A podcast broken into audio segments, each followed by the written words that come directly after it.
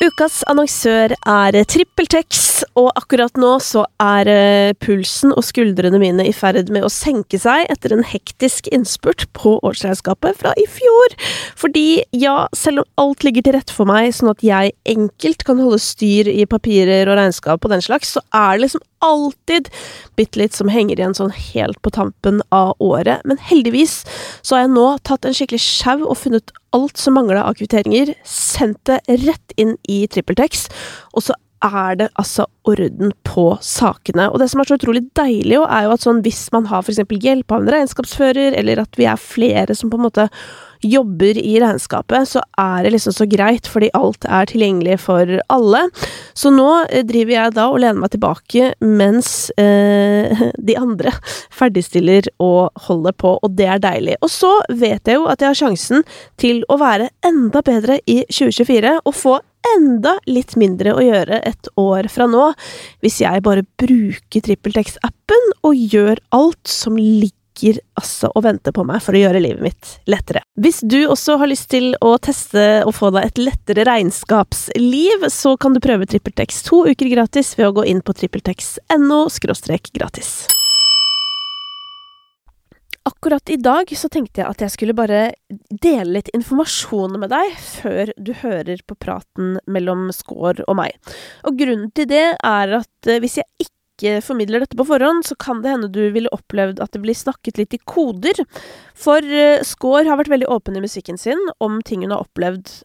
Men når vi sitter her og snakker, så ønsker Skår i det lengste å heller henvise til musikken når det kommer til de konkrete hendelsene vi snakker om. Derfor så blir det brukt litt sånn ord som eh, prosessen og eh, det jeg gikk igjennom, osv. Så, videre. så jeg bare tenker som så at hvis du har lyst til å få maksimalt ut av denne praten, så sjekk i hvert fall litt ut albumet hennes Mad Woman, eh, og så skjønner du hva vi snakker om. Så det er bare en liten sånn heads up til deg. Eh, og med det så eh, setter vi i gang. Der rulla vi, vet du. Nydelig. Der er du, Ilde. Rett på. Ja, godt å se deg. Jeg bare, Godt å se deg kan ikke kaste bort tida. Nei. Jeg har fått unge, Ilde. Det Jeg kjører går. Og jeg var litt for sein, så det er, det er skammelig. Skamfullt. Men unnskyld meg, når skal eh, del én av ditt album ut?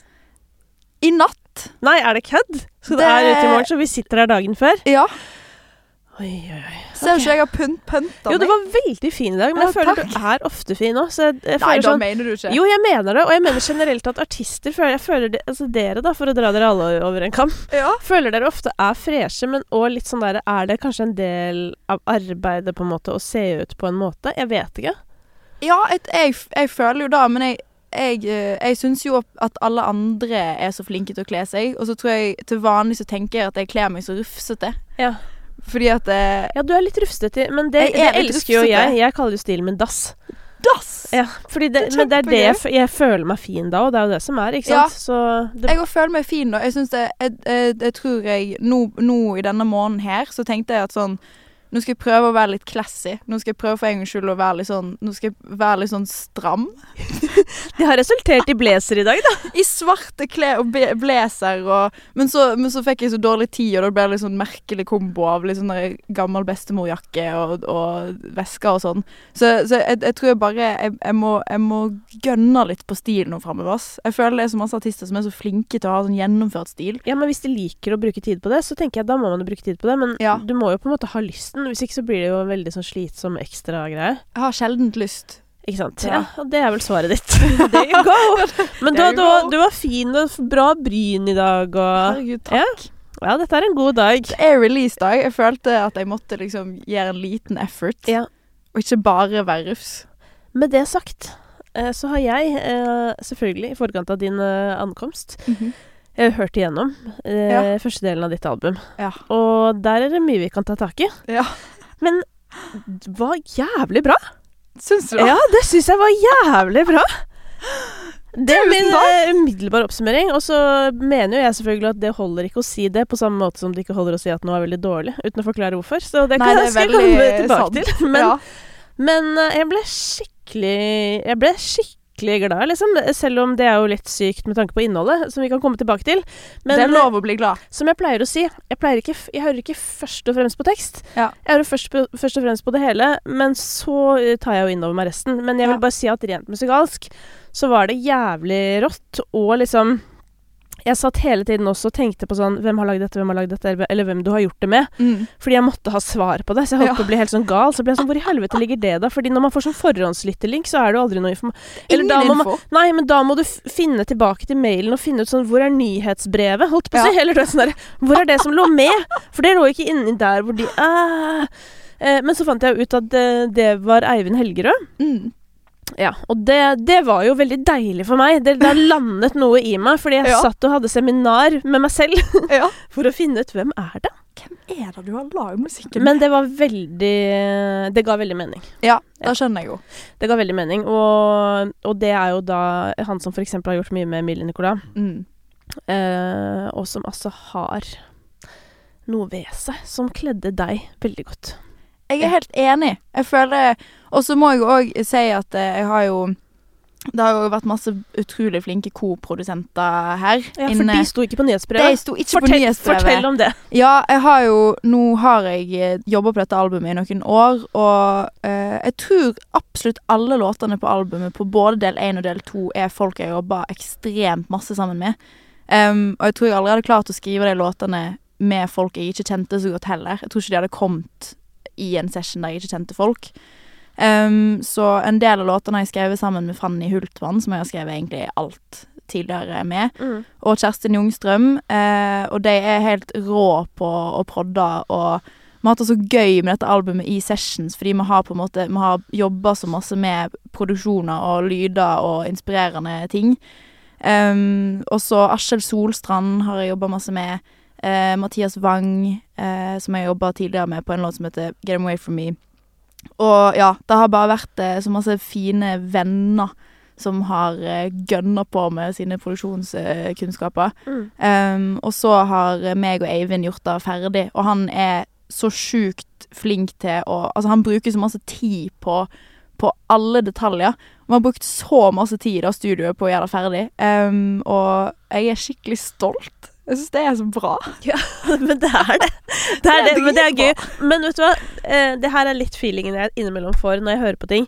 Det er sånn derre Jeg hører at du er stolt, på en Mm. måte, fordi eh, Og ikke for det, for jeg regner med at de fleste er stolt av musikken de gir ut, i hvert fall sånn mer eller mindre. Men det er et eller annet med på en måte eh, overskuddet, da, og at det Mm. føles så Det høres fresht ut. Og jeg vet sånn Hvis eh, Hvis jeg syns noe høres friskt ut, så tror jeg du òg vet at du har lagd noe som høres sånn ut. Ja, Ja. jeg tror, ja da tror jeg.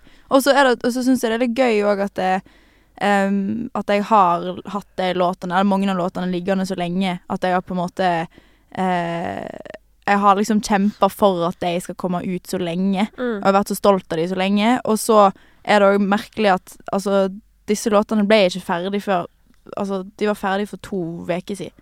Altså sånn ferdig prodda, ferdig mastra. Ja.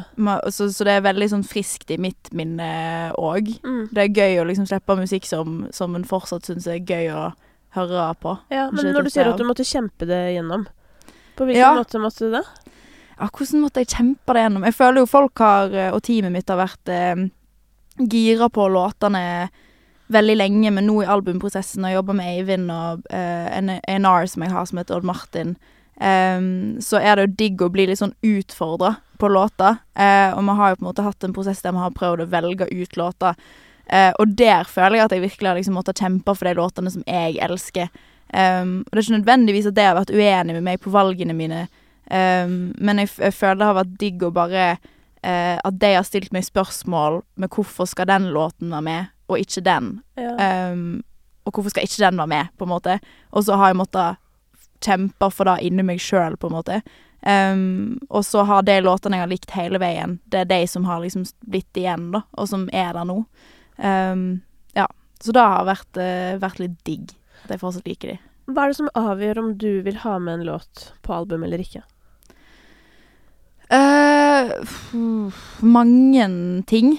Um, men jeg, jeg, jeg tror uh, jeg, jeg tror nok at både måten jeg jobber på i forhold til om jeg syns noe er bra eller ikke. Jeg, jeg, jeg tror da er veldig connecta med eh, hva jeg føler om låten og, og hendelsen som låten handler om. Jeg, jeg tror alt er veldig connecta. Så, så, så, jeg merker at jeg er veldig sånn følelsesmessig knytta til låtene mine. Og jobber veldig emosjonelt med musikk. Så jeg tror eh, det er alltid magefølelsen som sier om en låt skal være med eller ikke.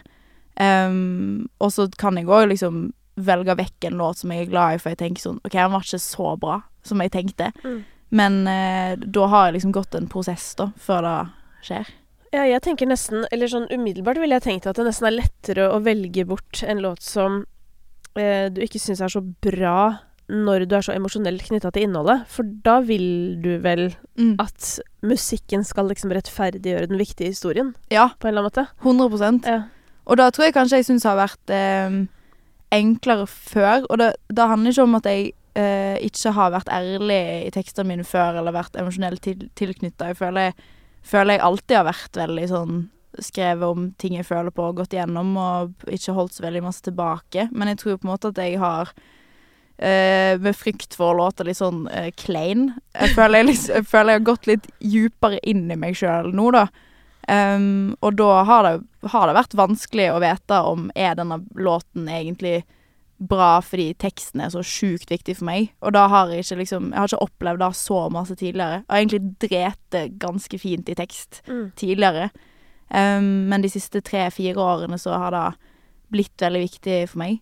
Um, og jeg merker òg på, på publikummet mitt det siste året, etter jeg begynte å slippe litt av disse låtene som skal ut på albumet, Um, så jeg merka en liten sånn switch i hvor mye det betyr for folk. Um, og det òg har vært veldig fint, og jeg, um, jeg sitter jo igjen nå og tenker at det er bra at jeg har begynt å bry meg litt om tekst, på en måte, og mm. vil gjøre det framover òg. Men hva var det som skapte endringen for deg? Um, jeg tror jo det egentlig bare handler om uh, ting som skjer i livet, og, og litt sånn eh, faser og perioder en går gjennom. Eh, og så er det jo på en måte ikke til å stikke under en stol at pandemien var ganske tøff for mange av oss.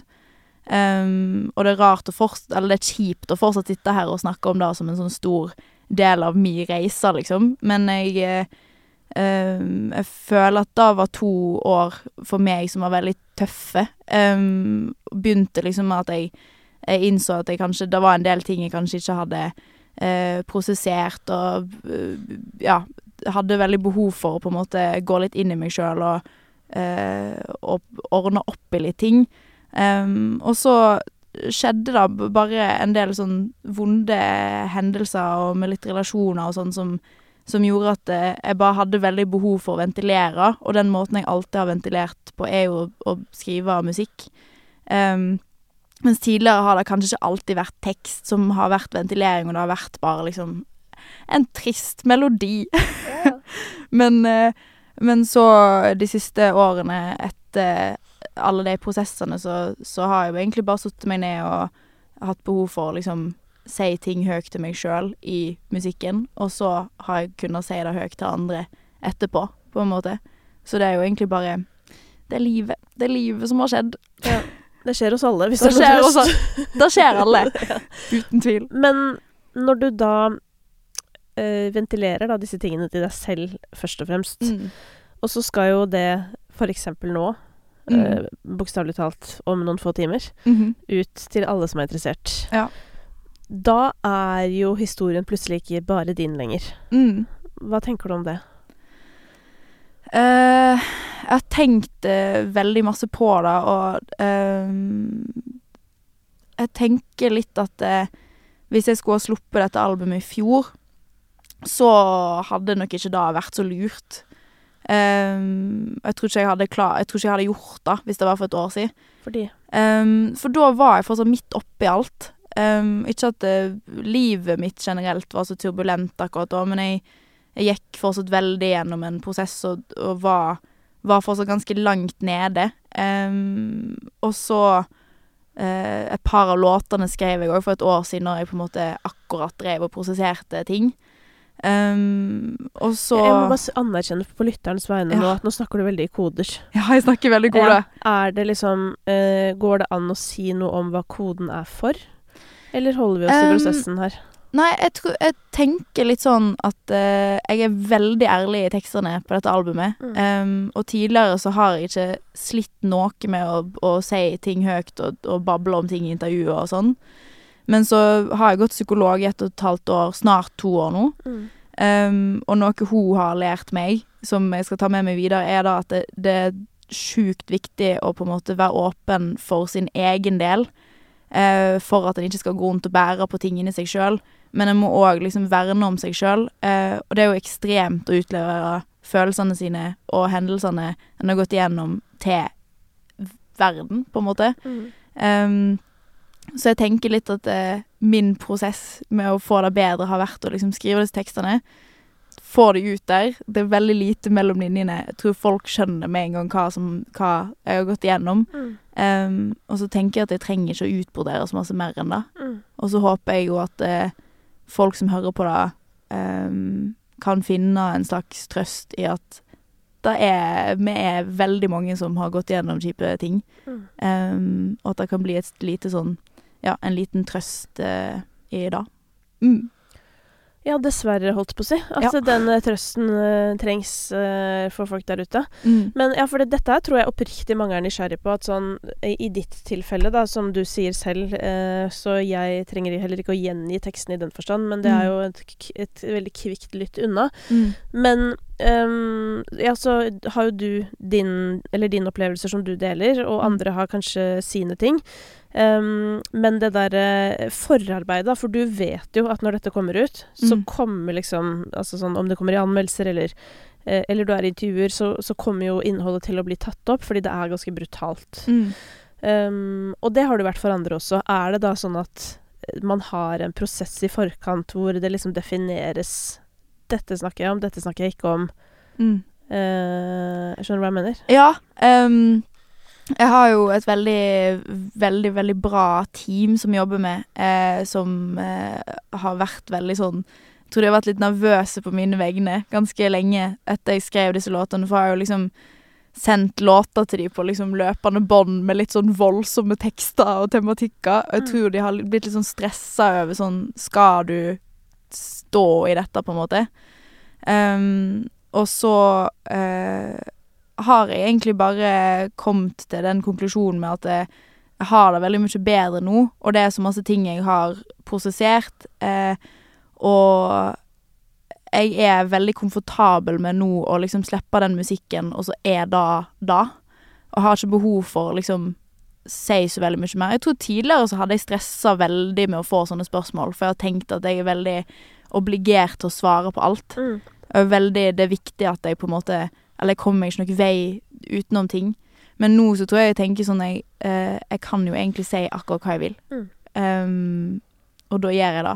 Men jeg skal velge mine ord med omhu. Ja. Jeg skal ikke kødde det vekk. Men jeg kan jo Men jeg, men jeg tror jeg bare må huske at jeg har et større valg enn jeg tenk, har tenkt tidligere, da. Dette Ja. er veldig interessant, for det vet du hva jeg gjorde tidligere i dag? Nei? Jeg har vært på sånn um, Music Norway, som jobber da med norsk musikkeksport. Ja. De har et sånt program for folk som er under 30 eller noe i musikkbransjen. Ja. Eh, sånn talenter, på en måte. Og så er det liksom et kull hvert år som får liksom litt sånn ekstra oppfølging. Og dette er folk som jobber i plateselskap og sånn allerede, Ja, stemmer men som er på en måte sånn utpekt som talenter, eller Altså, skjønner du? Ja. Så jeg var og hadde en talk med de i dag morges. Mm. Eh, og et av spørsmålene jeg fikk, handlet faktisk om dette, så det var litt Oi. spennende at vi kom inn på det nå. Gøy. Eh, for da var det en som lurte på det, eller som sa det at, eh, at en av artistene han jobba med, Ja. eh, innimellom syns det er veldig ubehagelig. Eller sånn, hva gjør man når man får et spørsmål man ikke vil svare på? Ja. Um, og at det kan oppleves vanskelig å komme seg ut av det. Litt som du beskriver, Ja. at før så følte du deg liksom forplikta til å svare på alt. Ja.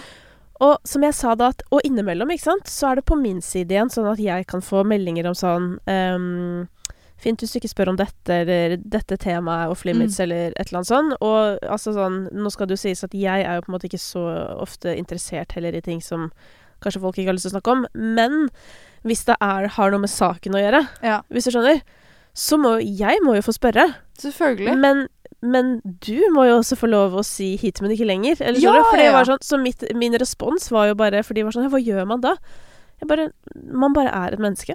Mm. Du bare svarer sånn du vil, hvis, en, hvis en bekjent spør liksom Ja, det, det har vi alle opplevd sånn bare 'Hvordan går det?' Mm. Og så kjenner du sånn ah, 'Vi skal ikke dit i dag'. Det blir ikke et svar på det i dag. Jeg trenger ikke å svare på det ærlig hver gang, Nei, tenker jeg. Og det er litt det samme. Det er litt Ja. sånn Ja, så er det sånn Det Eller sånn derre eh, Har du fått deg kjæreste? Mm. Så er det lov å si Det kan du lure på. Ja. Men- det går jo bra for meg, men du vet sånn derre eh, Jeg Eller sånn Jeg må jo spørre om det jeg må spørre om. ja. Ja. Men jeg lurer på Men jeg lurer vel Jeg har lurt Jeg tenkt masse på det de siste årene. Sånn Jeg lurer på hvorfor det er sånn, og om alle Altså, nå tenker jeg på artister, da. Mm. Tenker på det når en går i intervju. For jeg husker jeg tenkte veldig Veldig masse før at eh, når jeg kommer i et intervju, da må jeg liksom være så eh, Jeg må være så skikkelig og svare godt for meg hele tida. Ja. Jeg må liksom eh, Det må være liksom formatert, og, og jeg må være en slags persona her. Ja. Og så eh, er det bare En er jo bare menneske, og en snakker med et annet menneske, og det er mennesket som hører på. Det, hvorfor skal det være så formatert, og hvorfor skal det være så perfekt? Nei, altså ironien, jo ingen mening. Nei, ironien i dette er jo at hvis du går inn i et intervju og er den en du har tenkt at du skal være, Mm. da er du jo ikke deg selv. Nei, Og ergo ingen kan noensinne bli glad i deg, fordi du er jo ikke ekte. Så det er på en måte det er jo det som, ja, men det er det som er helt sykt. At sånn innimellom så er vi villige til å strekke oss så langt for å passe inn i flokken, for Ja. det må vi jo. Men det er faktisk det som gjør at vi ikke blir ønsket velkommen. Ja, jeg vet det. Fordi, det er drittrist. ja, og det, det sånn. ja, og det skulle jeg ønske bare det, Dette er jo for så vidt allmennkunnskap, for dette er jo elementærpsykologi, men det er sånn jeg skulle ønske at alle bare visste. For det er så sinnssykt mange som du vet, streber etter sånn Ja, eller å være hyggelig. Ja. please. Det er, sånn, det er ikke sånn du blir likt. Du blir ikke noe likt, mer likt av å please folk. Nei. Du blir jo likt hvis du tør å møte andre folk i sårbarheten, og til og med det å si sånn Takk for at du spør om det, og at du bryr deg om det, men det er ikke jeg klar for å liksom åpne meg opp om nå. Ja. Det er jo bare en kjempefin måte å bli møtt på, tenker jeg, da. Og, Så- og det er bare en sånn viktig ting til å ta vare på seg sjøl oppi alt. Ja. At en ikke skal dele så masse for Altså, hvorfor, hvorfor dele en av seg sjøl, på en måte? Jeg, jeg tenker at eh, det skal ikke bare handle om at andre skal få et svar på ting, eller at andre skal eh, føle seg komfortabel. En, en skal jo òg dele for at en sjøl skal på en måte få noe igjen for det, og at det skal være trygt. Jeg føler at det eh, Ja, å sette liksom de grensene for seg sjøl er dritviktig, da. Enig, men jeg kan innimellom føle på en sånn slags plikt til å dele Altså ikke dele, ikke sånn åpenhetsdeling, men Mm. Jeg kan innimellom føle på en plikt for å si noe eller gjøre noe eller et eller annet sånt fordi jeg vet at jeg orker. Ja. Og så tenker jeg på sånn Dette er det ikke sikkert alle gidder å stå i.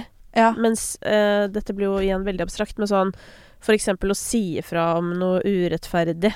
Ja. Sånn, da.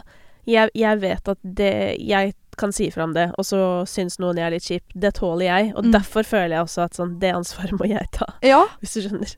Men, da er, men er ikke det bare en fin ting? Jo da, det er på en måte en fin ting, men, eh, men det er ikke noe jeg må, hvis du Nei, skjønner. men det det er er mer at sånn men jeg, men jeg kan innimellom føle litt på at jeg må, fordi jeg tåler, hvis du skjønner. Ja. At det blir en sånn veldig ansvarsfølelse Ja, i litt. det? Men eh, det er, jo en, eh, det er jo en sånn større enn seg selv-følelseaktig, og det er jo veldig bra, tenker Jeg jeg. kan òg føle på den uh, av og til. Ja. Um, og så vet jeg Det kan være litt slitsomt, da. Og så lurer jeg på om en liksom lurer seg sjøl litt. Ja. Det er bare for jeg er så sjukt tørr i munnen. Ta litt vann, da. Herregud. Men uh, jeg har tatt, tatt et par notater i dag. Oi, oi, oi. I sølvboka mi. Der- Jeg noterer jo aldri noe, for det meste noteres oppi hjernen. Men mm. det begynner å bli trangt oppi der. Herregud. Dette er jo helt fantastisk. Eh, ja, så jeg eh, har um, Jo, det var det jeg skulle snakke om, ja. Eh, jeg- apropos Mhm. dette er fakt egentlig litt sånn long stretch, men anyways, tittelen. Ja. ja. Tittelen på albumet. Mad Woman. Og så sier du i en sang, eh, og dette her relaterte jeg kraftfullt til. Mm. Eh, Riktignok ikke kanskje til situasjonen Mm. du omtaler, men Ja. du er jo liksom eh, Altså, eh, dette her å bli left with two options Mm. eh, som kvinne i en situasjon, og det kan være i veldig mange situasjoner, Mhm. og det er å enten si ingenting, eller eh, å bli omtalt som eh, klin kokos spenna gæren. Mhm. Ai, da fikk jeg faktisk litt gås på ryggen. Fordi Ja. det er så mange situasjoner jeg har vært i. Og vet sånn derre Jeg kan godt si noe nå, Mm. men jeg kan ikke vinne. Ja, jeg vet det. Jeg gjør det bare verre for meg sjøl Ja. hvis jeg sier noe, selv om det ville vært deilig for meg å sette ned foten nå. Ja. I så utrolig situasjoner. Og spesielt faktisk en hel del situasjoner i denne lille musikkbransjen jeg har vært borti. Yep. Men jeg vet at prisen jeg kommer til å betale for å si ifra nå, den er altfor høy. Ja. Og det blir bare verre. Altså, når de uh, I noen situasjoner der du velger å si ifra, uh, hvordan føler du deg etterpå da? Føler du at nå, hvis, hvis de reagerer eh, på en måte som tilsier at de syns jeg er litt ute, tenker du da er deres problem, eller går du rett i skam? Det kommer an på hvordan jeg selv syns jeg sa fra. Ja.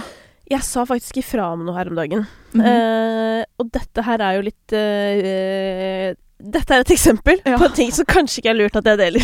OK, Men la oss prøve. let's try. Ok. Uh, det fins jo noen nettsteder her i landet som skriver om liksom bransjer av ulike slag, ikke sant?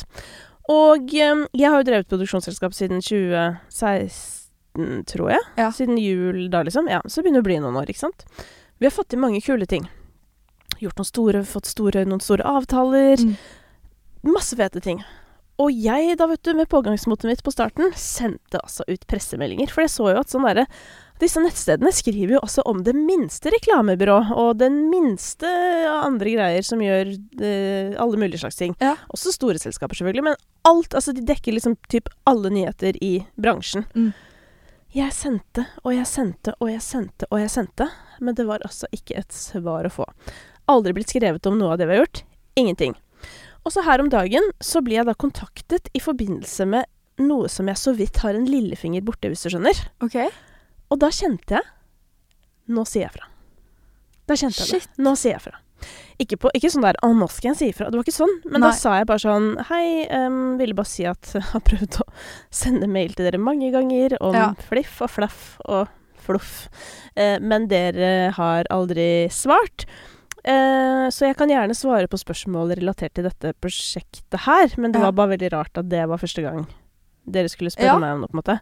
Men da får jeg jo i retur sånn der Hei, eh, ser dere har omsatt for ditt og datt, bla, bla, og sånn der. Så blir jeg sånn Ja, eh, okay. vi kan godt ha dette intervjuet, men da mm, ikke liksom blandet inn i noe som Altså, i noen andres prosjekt, eller skjønner du? Bare, bare, sånn bare rot.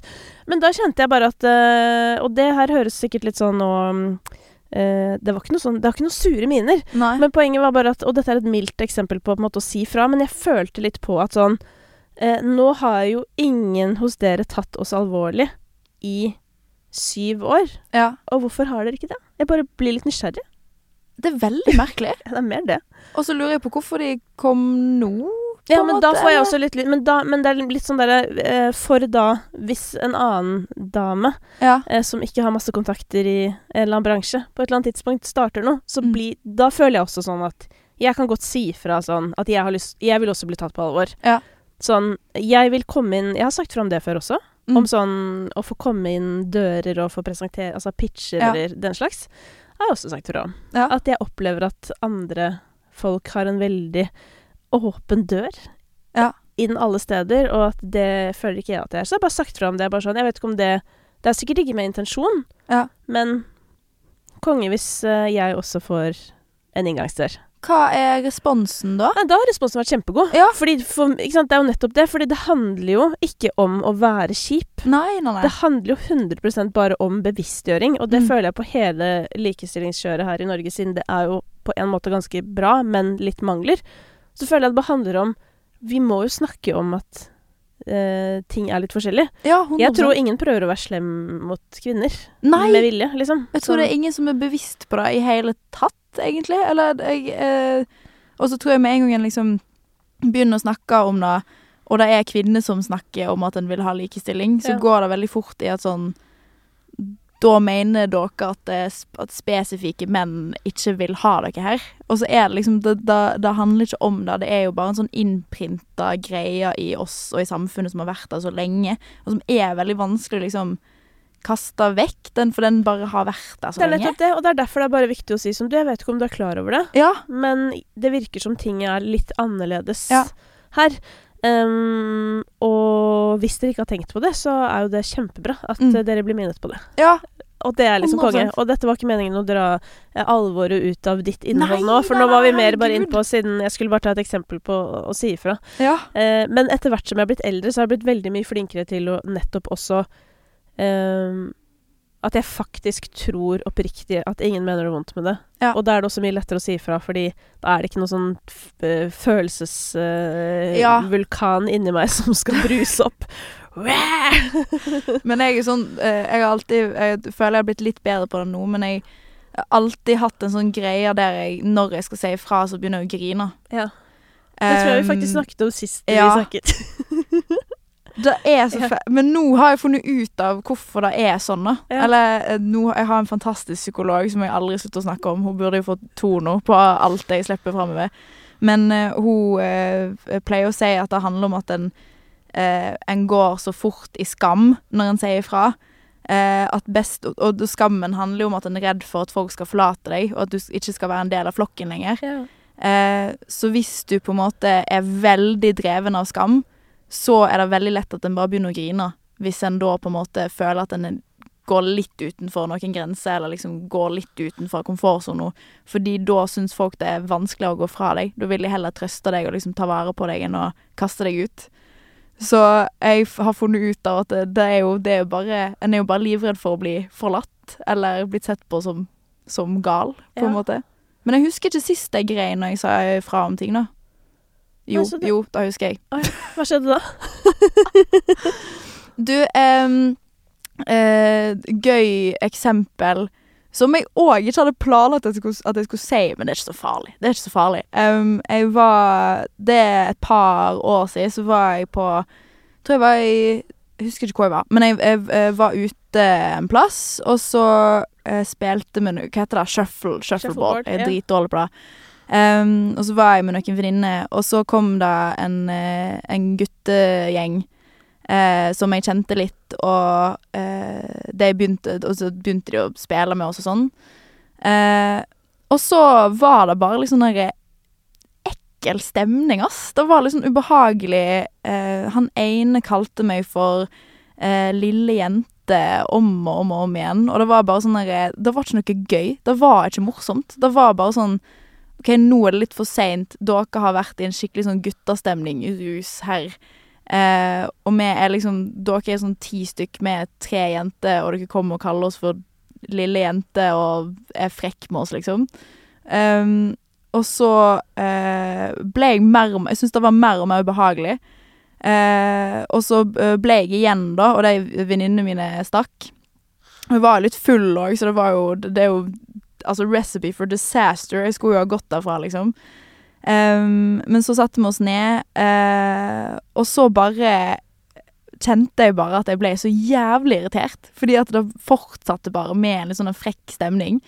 Og så, Jeg husker ikke hva jeg sa engang, men jeg husker jeg sa ifra om at jeg syntes det var litt sånn OK, nå kan dere kanskje roe dere ned litt, for dette begynner å bli litt, uh, litt voldsomt. Uh, og, så begynte, og så tror jeg to av de begynte å le. Eh, og så begynte jeg bare Og så begynte jeg bare å grine, og så var jeg sånn Jeg syns faktisk at dette er litt kjipt. og jeg skulle så jævlig ønske at jeg bare sto i det og var liksom bare Tok de på det. Men så grein jeg, og så måtte jeg gå vekk med han ene som, jeg, som er veldig hyggelig, da. Og som, alle var hyggelige, liksom, men de var bare Ja, det var rart. Og så gikk jeg bort, og han bare ga meg en klem, og ja, da, håper det går bra. Og da ble det liksom bare Da endte kvelden med at jeg var litt ute, da. At jeg var litt gal. Eh, og så følte jo jeg veldig sterkt på sånn Her kunne de ha skjerpa seg ganske med en gang.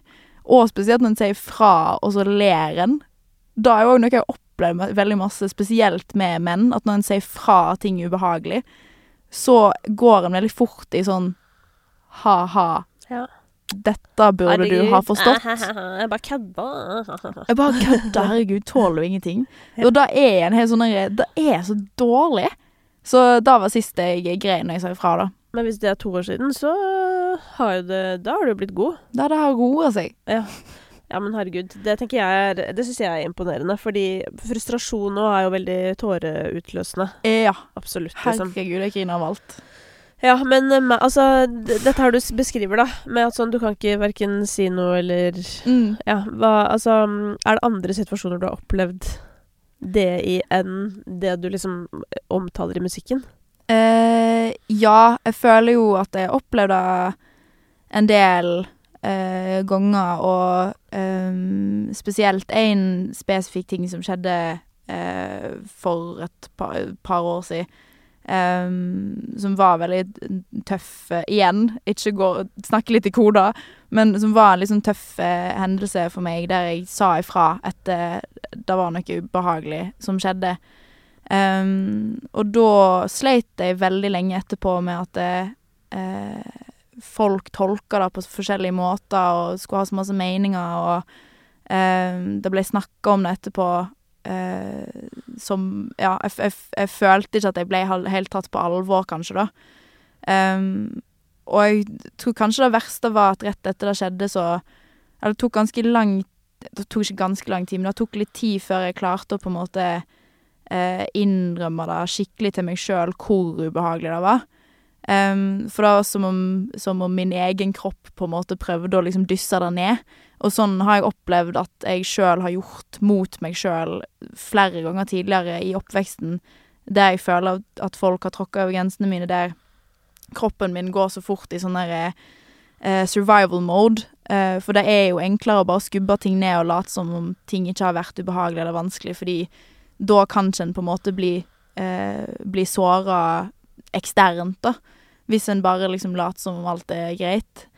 Ehm, så jeg sleit veldig med at jeg ikke skjønte om jeg hadde Jeg, jeg forsto ikke hvordan jeg oppfatta situasjonen. Kroppen min var liksom veldig sånn ehm, Veldig tydelig på hvordan jeg opplevde det.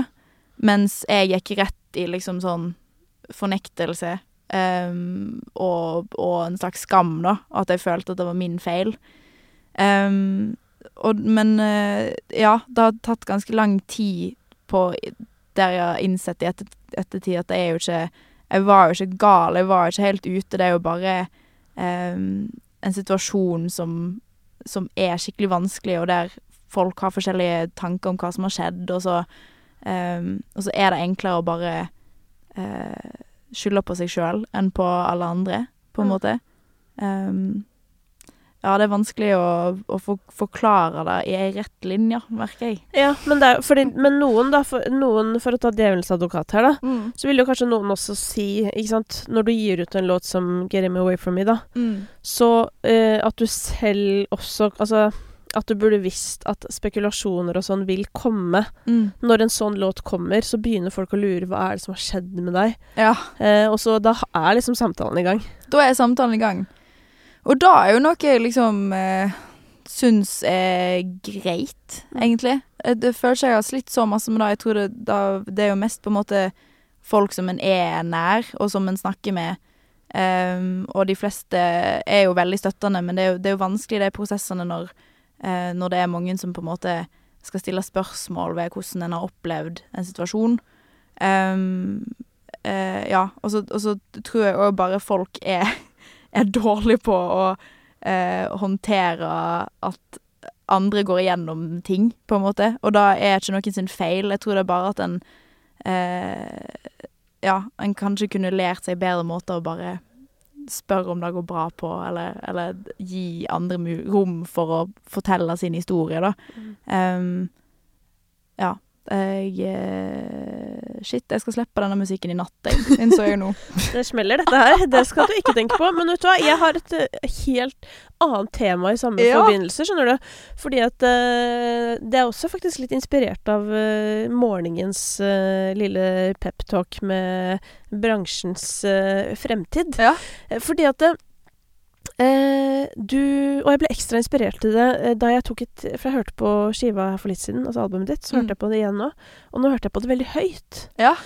Eh, og da fikk jeg sånn Helvete, det er altså Det er noen bangers her. Eh, Ja. Og det er jo spesielt de som går i tempo, hvis man kan Mhm. si det sånn, som jeg føler er sånn ekte Det er ekte bangers, liksom. Det er en dritbra åpning. Eh, og DNA er veldig kul. Ja. Det er jo litt sånn Billie Eilish-aktig. Den referansen tror jeg du kommer til å få på den. Ja. Eh, og den eh, Obscene er jo også det, Mm. men, men og dritfet. Og det, altså, det er masse gøy. Så, så Gøy! pakka di, da. Her er gaven din. Den legger jeg på bordet foran meg nå. Det er sølvboka mi. Liksom, det du har Nå sitter du på noe jævlig bra. Mm. Hvordan skal folk oppdage det? Jævlig godt spørsmål. Fuck. Det har jeg tenkt på sjøl òg. Hilde Skaar, nå er det marketing session her hos meg. Hvordan skal vi løse dette? Fortell. Hva er, hva er planen? Eh, mange planer. Eh, først og fremst så vet jeg jo på en måte hvor viktig eh, sosiale medier er. Og da, kom, da har det vært, og det kommer til å være der framover òg. Eh, så jeg må jo på en måte fortsette å poste ting og bli enda flinkere på innhold. Jeg har liksom eh, perioder der jeg føler jeg er veldig god på TikTok, for eksempel, Mm. og perioder der jeg ikke er så god. Og da handler jo på en måte veldig masse om at jeg bare eh, er litt sånn som person. Det går veldig opp og ned i perioder. Um, men så eh, føler jeg egentlig at da Sånn får det bare være. Det, det er så masse Det er så masse jobb nå. Det, jeg tro- tror ikke jeg har hatt en fridag på så lenge Så jul. Eh, så det er liksom jeg, jeg prøver å være litt snill med meg sjøl på det òg, da. Eh, men jeg vet jo at eh, sosiale medier er viktig. Skal fortsette å banke ut videoer der. Eh, Bra. være synlig. Um, og så uh, skal jeg spille helt sjukt masse live i år. Um, og så har jeg liksom tenkt de siste årene sånn Er det sånn en blir Er det sånn en får publikum lenger i disse digitale dager? For- Altså å spille live? ja, jeg har bare tenkt sånn Er det på en måte er, Kommer folk på konserter som de, der de ikke vet helt hvem artisten er? Eller liksom sånn Hvordan får en ut via publikummet sitt? Um, og så har jeg vært dritheldig det siste året og vært med og få oppvarme for Sigrid og uh, spilt masse konserter i utlandet på showcase-festivaler og alt mulig. Um, skal på en lang supportturné nå uh, med ei som heter Tori Amos. Det er morsomt at du sier ei som Ei heter som heter Tori Amos. ja, det, uh, eh, ja, det skal jo si Det er ikke sikkert alle under nei. 5 og 20 for eksempel vet hvem det er. Nei. Men for meg så var det sånn da jeg så det, så var jeg sånn What the fuck? For det er ganske big, føler jeg. Det er ganske huge. Det er jo liksom litt spennende med publikumskrysningen der, da. Ja. Om det på en måte er ditt publikum. Ja, da Eh, vet jeg ikke. Det veit du ikke, men det er jo sånn Det er jo ganske big. Ja, det er big, og så It's a big tenker jeg gig. It's a big gig, og det er Ro Royal Albert Hall. Umulig å si det. Um, da Vi skal spille der, og um, Ja, så hvordan i helvete skjedde det? eh, Vet du hva? Jeg veit ikke. Jeg har, en, eh, jeg har en fantastisk eh, bookingagent i England som har virkelig liksom Han er så gira, og han, han har eh, stått i på en måte fronten for å liksom få prosjektet ut der. Ja. Og det er han som er grunnen til at vi har fått så masse gigs i Europa i år og i fjor, og um, jeg tror han bare liksom pitcha meg ganske hardt inn der. ja. Og så valgte de da. Det, har, altså, det der har alt å si. Det er helt sjukt. At du har folk som ekte Ja. Brenner for deg, liksom. Det er så viktig. Ja. Og det, det handler ikke om hvor en er signert, det er jo på en måte det er folkene en jobber med som er som, Hvis det liker musikken og du har en god 100%. relasjon med dem, liksom. Um, men ja, jeg eh, Da er på en måte min strategi, da, å bare fortsette å gønne på sosiale medier, og i hvert fall prøve liksom å få tak i den fansen som er min målgruppe.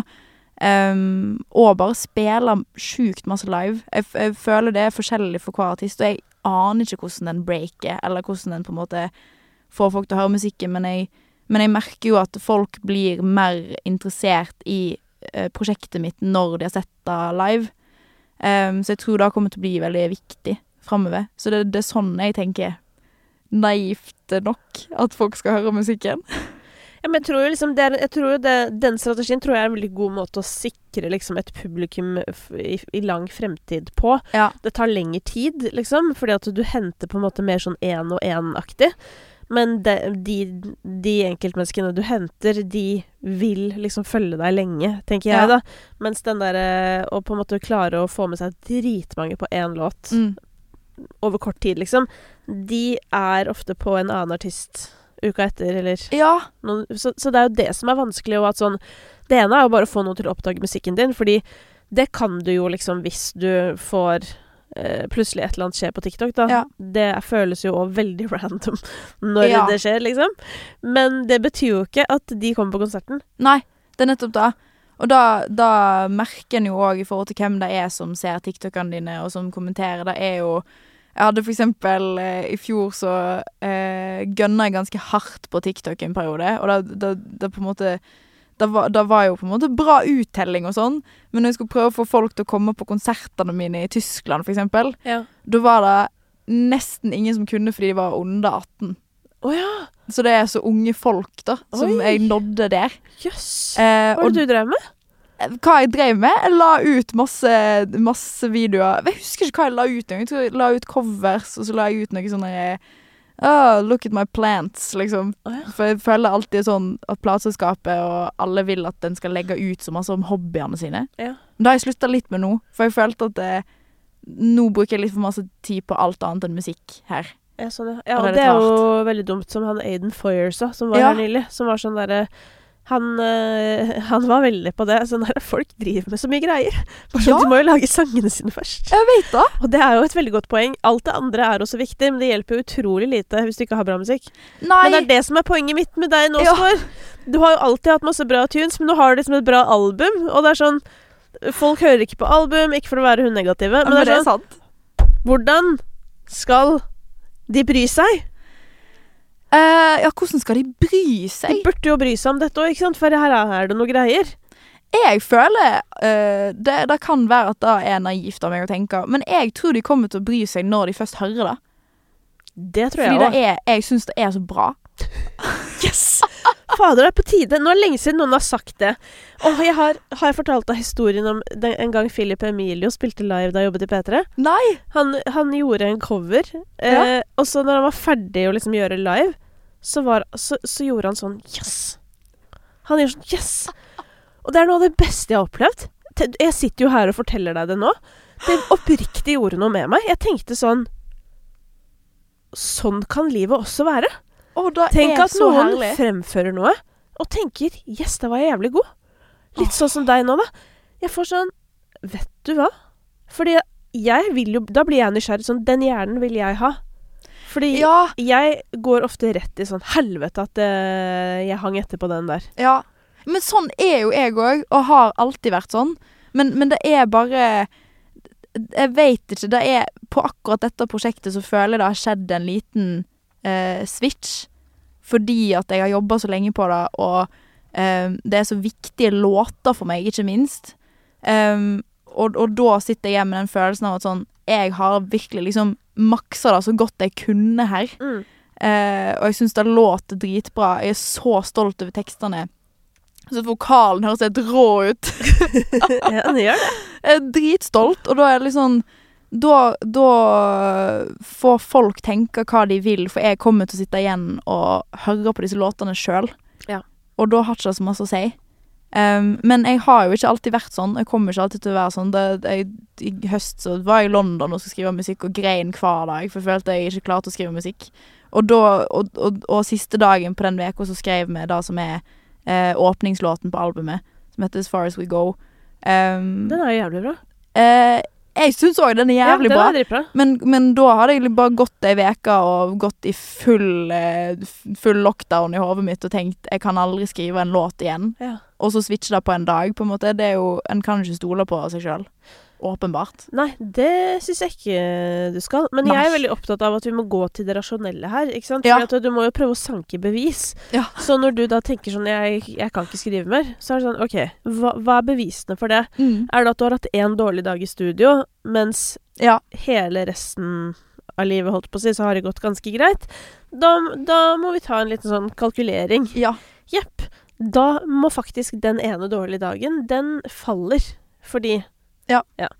Der, er- der har jeg blitt faktisk litt god, men det er treningssak, vil jeg Det er en Ja, treningssak. og du må liksom øve Ja. på det. At sånn derre OK, det suger i dag. Jeg har til og med begynt Jeg har begynt med en nytt triks også. Ja. Men det er også litt av internett. For jeg vet ikke om du har sett det på internett, du. Men at det er noe med kosmos og noe greier for tida. At folk driver okay. og sier at det er noe med planeten, og at eh, det er, at det er litt sånn urolig stemning i uh, astrologien. OK, For tror du på sånne ting? Nei. Men jeg føler meg litt urolig sjæl for tida. OK. Og da i stedet for å henge meg veldig opp i hvorfor jeg er urolig og den slags, for Ja. da kan vi ha en meget trist eh, periode foran oss, ikke sant? Hvis du begynner å grave i det. For det er, ikke alt, ja, det er ikke alt vi trenger å finne ut av Nei. til enhver tid. Um, og i hvert fall ikke når du vet at du er søvndeprivert fordi du har et uh, barn OSB. Ja. Og da kan jeg noen ganger ta det sånn Jeg har hørt at uh, det er litt problemer oppe i kosmos, eller hva det heter, for tida. Så jeg tror bare det er det. Og så bare prøver jeg å hvile i at sånn «Nei, nå, nå er verden litt ute å kjøre. Det er ikke meg, det er verden. Det er kjempegøy. Jeg har, jeg har en sånn greie med sånn Jeg kan av og til si Nei, nå Det må være fullmåne. Ja, ja, men det er jo litt, samme, det, er litt det samme. Ikke sant? Og så hvis du klarer å hvile sånn, «Oi, det er sikkert derfor. Det er Ja. også litt sånn, fordi du vet Jeg vet ikke om du har opplevd det før, men sånn der, det er innimellom jeg tror jeg skal få panikkanfall. Yes. Og så går jeg skjelver, og så er jeg helt sånn der Herregud, hva er det som skjedde nå? Jeg får kaffeskjelven, for eksempel. Jeg får Ja. aldri kaffeskjelven. Så går jeg skjelver og skjelver, så kommer jeg på sånn klokka ett sånn Jeg har ikke spist i dag. Og så er det sånn eureka-moment. Men Bare det gir jo så mening ja, så er det sånn, Selvfølgelig det. skjelver jeg som et helvete, for jeg sto opp klokka seks og klokka ett og har ikke spist. Det er jo ikke noe rart, det. Men det Ikke sant. Sånn, ja. Derfor er det litt sånn derre Fullmånen, ja. Det blir rot. Da, Ja, blir, Det blir, det, men, da blir det rot. men det er litt deilig å bare ha sånne ting å, øh, å skylde på. Ja. Jeg, jeg pleier av og til å bare tenke sånn Nei, det er sikk...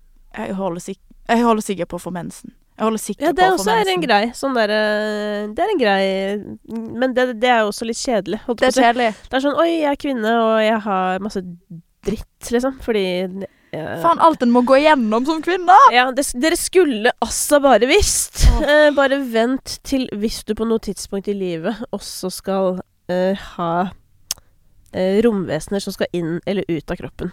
Jeg si. eh, Så det, gleder og gruer meg det til det. Ja, det er helt sjukt. Helt sjukt at Det- det går an. Helt sjukt. Eh, en annen ting jeg må innom på dette albumet ditt Ja. Jeg må inn i notatene her. Ja. Må, det er en ting som også er veldig typisk meg, er å bare prate. Ja. Og så si takk for takk og hei. Og så kom jeg på at jeg hadde noen ting jeg lurte Å, på. det var disse tingene her, ja. Dette her er bare Men vet du, eller føler du selv at 'Something Like This', din sang som allerede er ute, eh, har litt electric feel? Ja. Ja. 100% Ja. Jeg hørte du si det Ja. på den ene episoden eh, Jeg hører jo på denne podkasten, jeg er fastlytter, jeg, vet du. Det er koselig. Um, og da ble jeg veldig glad for at du sa det. Ja, Fordi det- at eh, jeg elsker den låten, og det var veldig random at det ble sånn. Men jeg husker når vi Fordi det var, det var først en syntbass, um, og så prøvde vi elbass på reffet, og da innså vi bare sånn Det er litt electric feel med den eh, bassen der. Ja. Og da var det bare sånn hell i uhell. Det Ja. var bare skikkelig digg at det minte meg om den låten. Så du fikk en slags semi Hva heter det? Kaller de det interpolation? Uten å egentlig mene det. Hva betyr interpolation? Heter det ikke interpolation? Nå føler jeg at jeg Nei, det heter Du vet Det folk driver og sier at det er å sample ting, men det er det jo ikke. For det er jo når du tar på en måte en bit av Ja. en gammel låt, men du, du retolker biten og Ja. kanskje spiller inn din egen versjon, så det er jo ikke per def at du sampler en låt. Nei. Men det kaller de da på amerikansk for interpolation. Eh, Det, jeg tror ikke det har et norsk ord. Eh, Nei. Eventuelt en eh, fortolkning. ja, for det blir blir å bli, da, å bli litt tydelig inspirert av noe, da. Jo, men det er jo en interpolation. Det er jo for eksempel at på, på Beyoncé-albumet Ja. eh, så er det en liten bit av Kelis sin 'Milkshake'. Okay. men det er jo hun selv som synger Altså, eller Ja. Ja, der var det for øvrig også noe krangling angående hvem som gjorde hva. Men, Ja. Men eh, Så det kan, det kan være En annen interpolation var en veldig forferdelig en fra nå sist New Music Friday. Okay. eh, som jeg må bare beklage at den var grufull. Og det ble jeg jo lei meg for, fordi Jonas Blue er egentlig min Uh, Han er ikke min venn, men han Min er venn, min eh, musikalske bidragsyter til dance-lista mi. Ja, Og pleier å levere ganske bra der. Denne gangen så hadde han og en hel haug med andre folk. Du vet sånn når det står 30 folk på lista over låtskrivere? Yes. En sånn type låt. Eh, da tatt Alice DJ med 'Better Off Alone', hvis du husker den. Do you think you're better off Ja. alone? Den.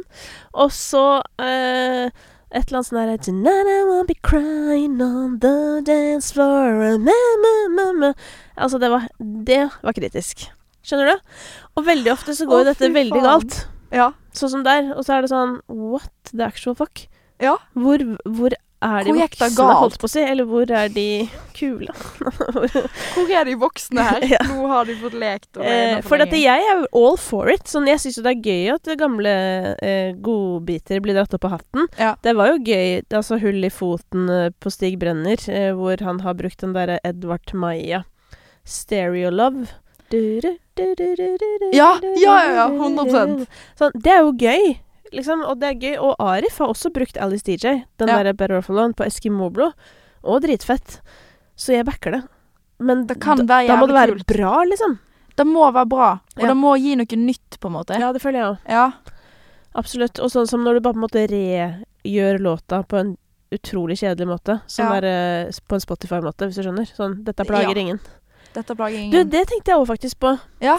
For at eh, det er jo viktig for sånn internett og sånn, eller Spotify og sånn, da. Ja. Altså, jeg føler Hvis du skal være høyt i spillelistene, så må du liksom ikke plage noen for mye. Ja. Men det syns jeg var litt gøy med låtene dine. Jeg følte de liksom strakk strikken akkurat så langt Plagde de at man kan bli liksom litt plaget, men det er ikke nok til at du blir pusha langt ned i spillelistene. Ja. For det er ikke farlig. Det er ikke så farlig, men det var litt farlig. Ja. Du? Da er veldig gøy. Ja. Jeg, jeg, eh, jeg er jo på en måte glad jeg, jeg vet ikke, jeg, jeg tror jeg har vært veldig glad i musikk som ikke har plaget folk.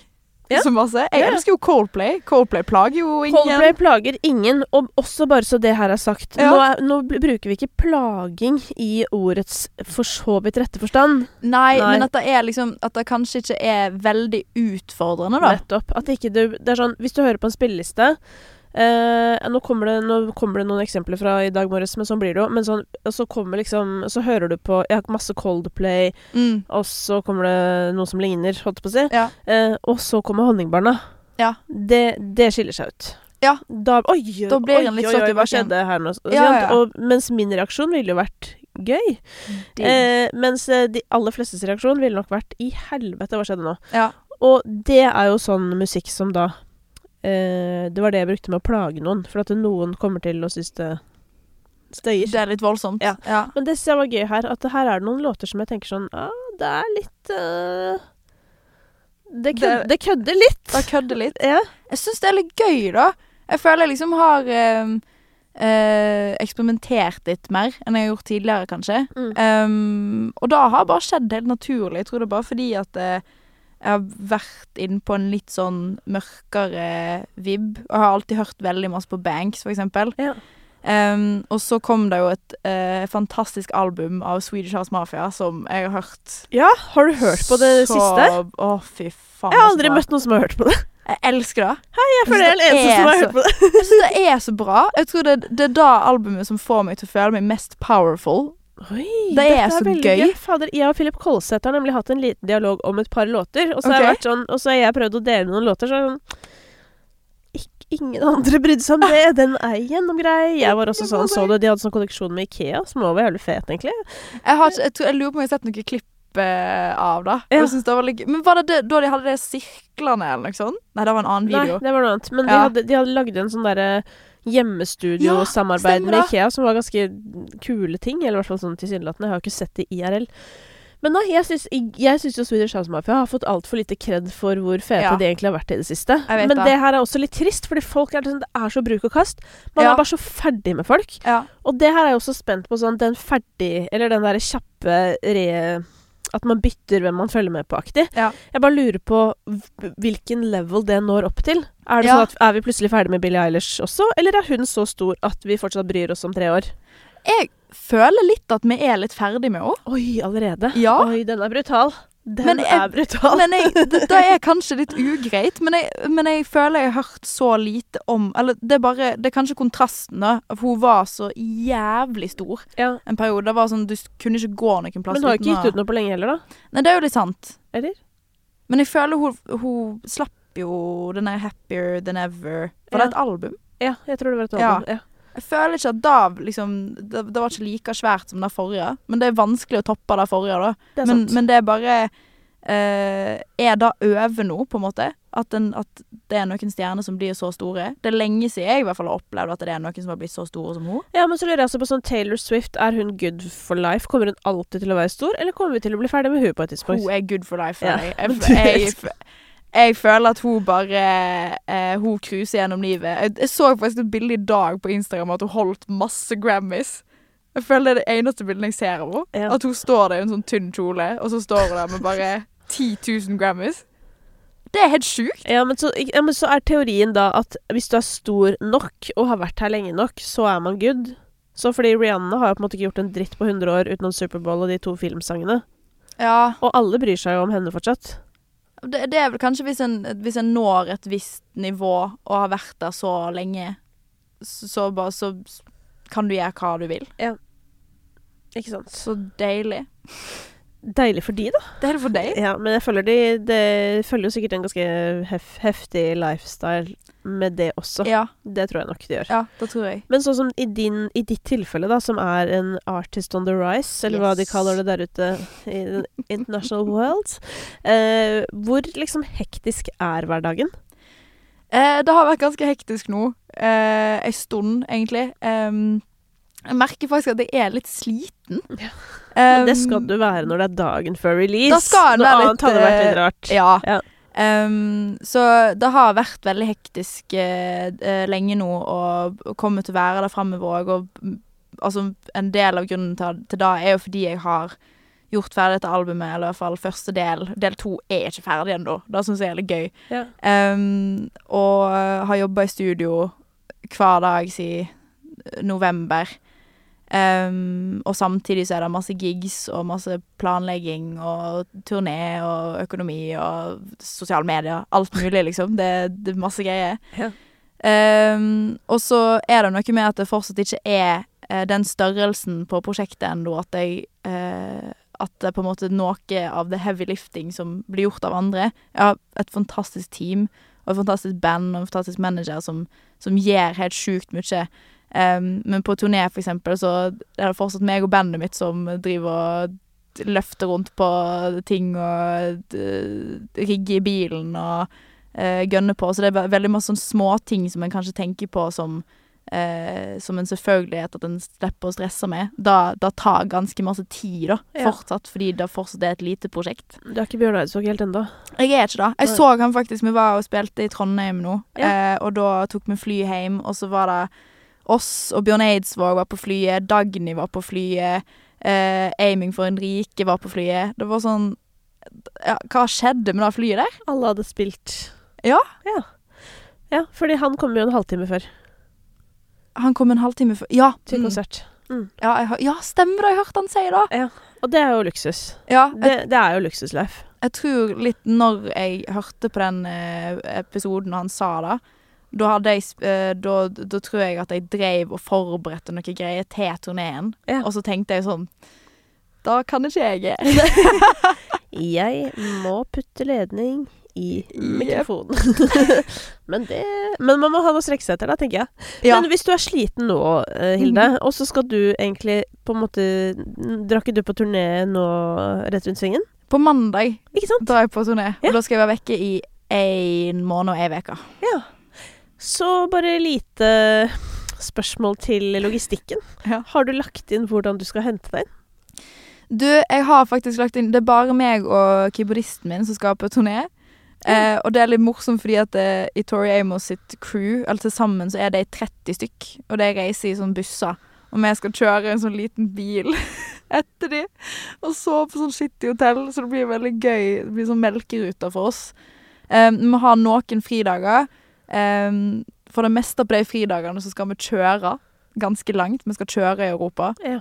Um, men jeg har liksom planlagt at, eh, at da skal jeg på en måte Enten skal jeg, skal jeg kjøre, og da slapper jeg veldig av.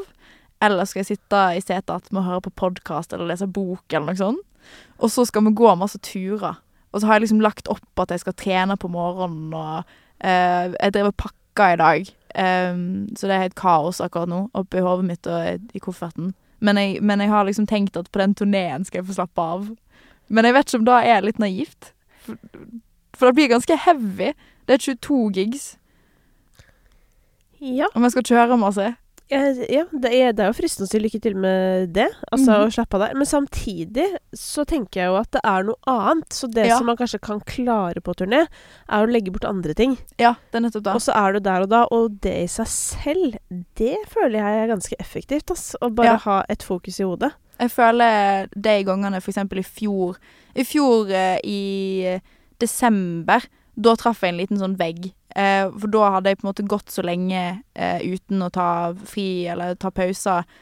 Og bare jobba og jobba og jobba, og, og så ble jeg dritsjuk. For da er det bare kroppen som sier ifra at nå må du calm Ja, the fuck down.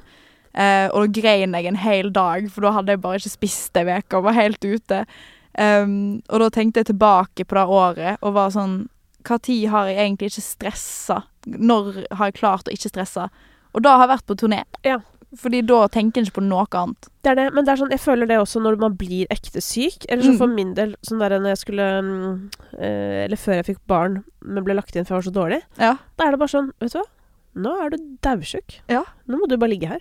Og da er det sånn Det er helt utrolig hvor lett det er å slippe alt. Jeg vet det. Fordi det er, det er, det er ikke noe alternativ. Du kan ikke gjøre noe. Du Nei, kan ikke være på sånn, telefonen engang. Ja, men nei, snakkes når jeg Ja. er bedre, da.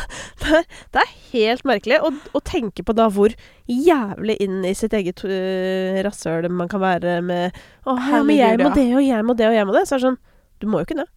Du må Du måtte jo, ikke det før liksom. du øh, gikk på smellen heller. Nei. Det er jo det som er hele poenget, men det er jo det jeg tror jo, og det at vi driver og forteller oss selv Jeg må rekke det, jeg må rekke det, og hvis ikke jeg kommer der, da blir han sur, og hvis ikke hun Det er jo stressende i seg selv. Og det går an å si fra òg. Ja. Det er da jeg har liksom lært meg faktisk veldig spesielt etter den eh, den veka der jeg var sjuk. For da var det bare sånn Da hadde jeg, da gikk, da hadde jeg ingen energi igjen.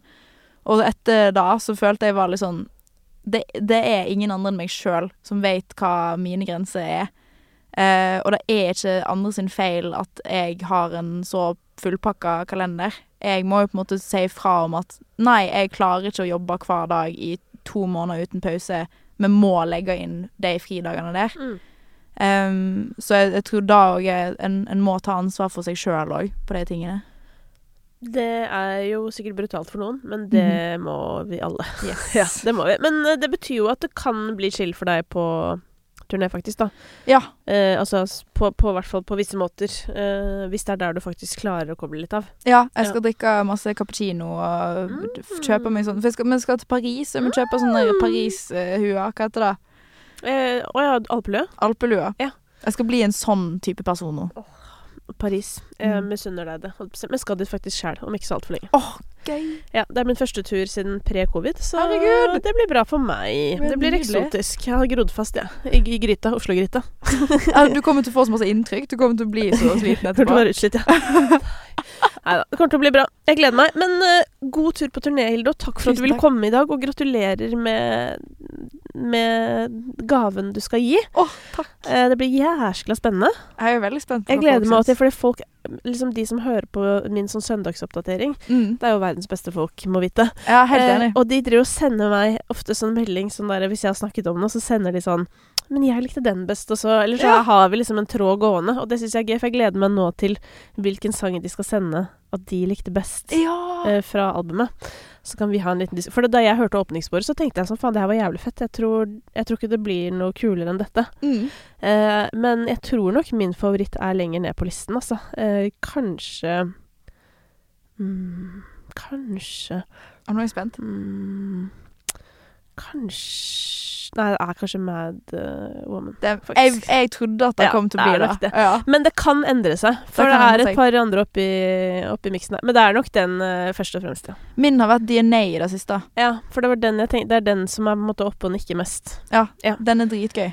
Veldig gøy. Så ja, nei, så det er bare send, send inn. Send inn, Ja, vi kan send diskutere. Um, og eh, send gode kosmiske fullmånetanker til Hilde uh, på hennes turné. okay. Takk for at du kom. Takk. Even when we're on a budget, we still deserve nice things. Quince is a place to scoop up stunning high-end goods for 50 to 80% less than similar brands. They have buttery soft cashmere sweaters starting at $50, luxurious Italian leather bags, and so much more. Plus, Quince only works with factories that use safe, ethical, and responsible manufacturing. Get the high-end goods you'll love without the high price tag with Quince. Go to quince.com slash style for free shipping and 365-day returns.